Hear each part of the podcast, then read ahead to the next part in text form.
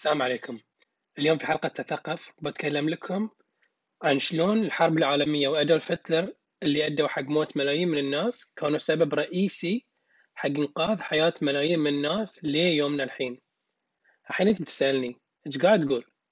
أنت مو بس قاعد تقول أن الحرب العالمية أنقذت حياة ملايين من الناس بس بعد قاعد تقول الحرب اللي صارت من قبل تقريبا 100 سنة عندها أثر إيجابي لليوم اي more or less هاي اللي قاعد أقوله.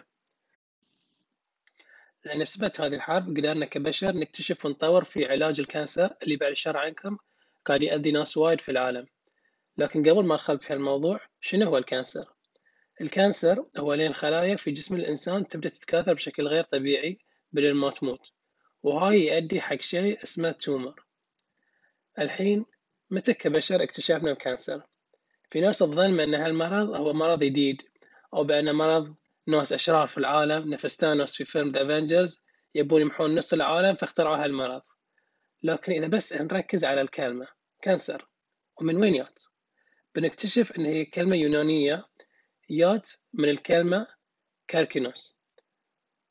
وفي دكتور الظاهر مشهور والله أعلم بس اكتشفت وأنا أبحث عن هالموضوع أنه يسمون هالدكتور The Father of Medicine. وهالدكتور اللي اسمه هيبوكريتس هو أول واحد يوصف ال cancer وحدد بأن هذه الأعراض هي أعراض هذه المرض. وعلى فكرة عشان تستوعبون عمر هالاكتشاف هالدكتور مات تقريبا قبل 340 سنة من مولد سيدنا عيسى عليه السلام. فلا حد يقول لي بأنه مرض جديد. هل المرض علاجه في الصج رخيص وأسهل من ما نتوقع؟ هل فعلا في شركات قاعدة تحاول تنشر هالمرض من الأكل اللي تبيعه؟ مثل ما أوثق مصدر في العالم الواتساب قال لنا يمكن فيمكن في المستقبل إن شاء الله أسوي حلقة عن هالموضوع مع دكتور فاهم عشان نحلل هاي الأسئلة. لكن حق اليوم نرجع حق موضوعنا. الحين خلينا نأخذ وجهة نظر البروفيسور ستيف شابن اللي قال في مقالته Cancer World عدد زيادة الضحايا لمرض ال cancer هو من ناحية شيء زين. هو طبعا اللي يقصده أن لأن علم الطب تقدم بشكل كبير بحيث أن الأمراض اللي كانت تقتل الناس قبل حتى يدخلون عمر الثلاثين أو الأربعين سنة صارت أمراض سهل من علاجها اليوم. لأن صرنا نعيش أطول وأسهل نتفادى ذي الأمراض. بعد الشر عنكم بس تزيد نسبة الشخص إنه يصيده هالمرض اللي هو مرض ال cancer. فيقترح البروفيسور بأن هاي هو السبب الرئيسي أن عدد ضحايا أمراض ال cancer قاعدة تزيد. طبعا مثل ما ذكرت قبل شوي هاي مو يعني أيام أول ما كان في ضحايا حق هالمرض بالعكس كان فيه أصلا تعرفون متى كان أول تسجيل في التاريخ حق breast cancer صراحة حتى أنا تفاجأت لين اكتشفت. يقول لك في علماء حصلوا على manuscripts من أيام الفراعنة توحي بأنه هو مرض خطير وبأن الطريقة الوحيدة اللي كانوا يعرفون علاجة هالمرض كانت عن طريق الجراحة. فأنتوا تخيلوا لين كانوا يشوفون ال tumor أو الورم كانوا يشيلونه من طريق الجراحة مع أنه ما كان عندهم أنستيجيا ولا كانوا يقدرون يخدرون أحد. فأنتوا تخيلوا الألم اللي كانوا يروحون فيه الأوادم عشان يشيلون هالمرض من الناس. وبعد طبعا كان يرجع لهم المرض ذي. لكن الحمد لله ولحسن حظنا اليوم في الحرب العالمية الدكاترة كانوا أذكياء وقدروا يكتشفون من خلال مصيبة وسلاح قاتل علاج حق هالمرض الخبيث. في الحرب العالمية الأولى في ديسمبر سنة 1943 طيارة ألمانية هجمت على سفن أمريكية. فاللي كانوا داخل هاي السفينة نطوا داخل البحر عشان يتفادون هالأسلحة اللي كانت تضربهم من فوق. لكن كان في مفاجآت تنطرهم في البحر. البحر كان مسمم بقنبلة غاز اسمها ماستر غاز. هذه الغاز كان يسوي نوع من فقاعات في بلاعيم مالات الناس. فستمائة واحد تأذى من ال mustard gas وثلاثة وثمانين منهم ماتوا. واللي أخس أن السم انتشر دار مدار المدينة مسامحة دار مدار المدينة. وصاد ميتين وخمسين ألف واحد وذبح ألف واحد منهم.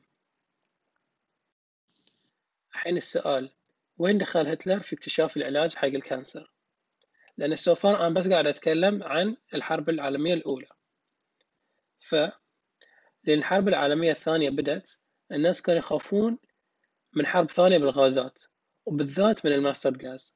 لأن حتى إذا لبس الواحد قناع مال التنفس هالنوع من الغاز للحين كان يضر الناس ويقتل اللي يتنفسه. فعشان كذي قام فريق يبحثون أكثر في هالغاز عشان يحاولون يصنعون دواء يقدر يقضي عليه.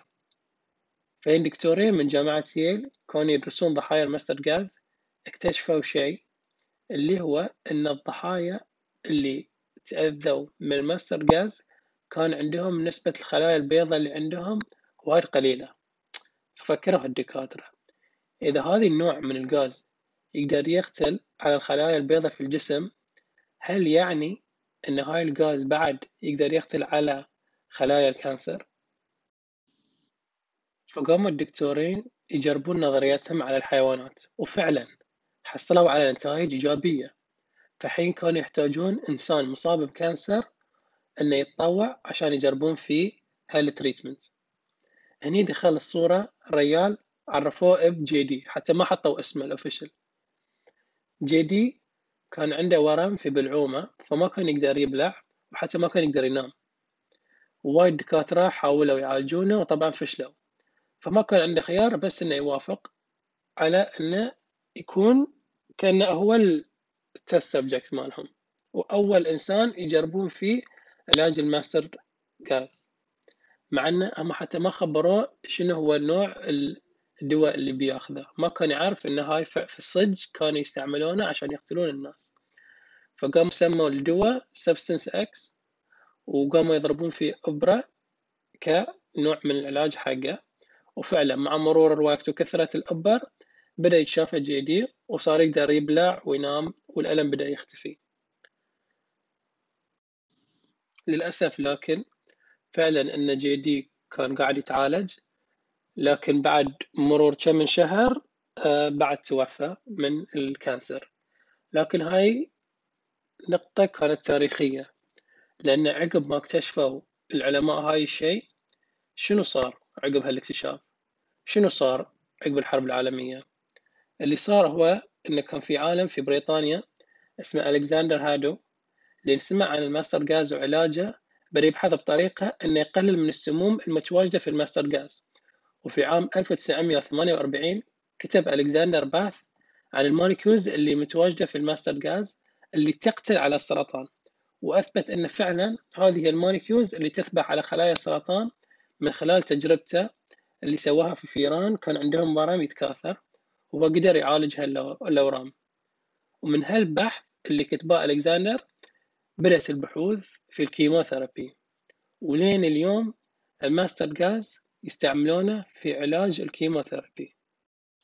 فأتمنى مثل ما أنا تعجبت سمعت هالقصة من عمي وحسيت أنه فعلا الناس قدروا يأخذون من مصيبة قدروا يأخذون شيء بسيط منها. وغيرون المستقبل يبين لكم أن مو بشرط أن كل مصيبة تطيح فين نطيح فيها هي بس مصيبة. بالعكس إحنا يمكن طحنا في مصيبة بس نقدر ناخذ من هالمصيبة درس ونكبره ونحاول إن نستفيد منه في المستقبل. وإن شاء الله أنتم استفدتوا من هالحلقة وإن شاء الله بعد في المستقبل أقدر أفيدكم بحلقات جديدة وإن شاء الله الأسبوع الجاي بعد في نفس اليوم بقدم لكم حلقة ثانية. وشكرا لاستماعكم.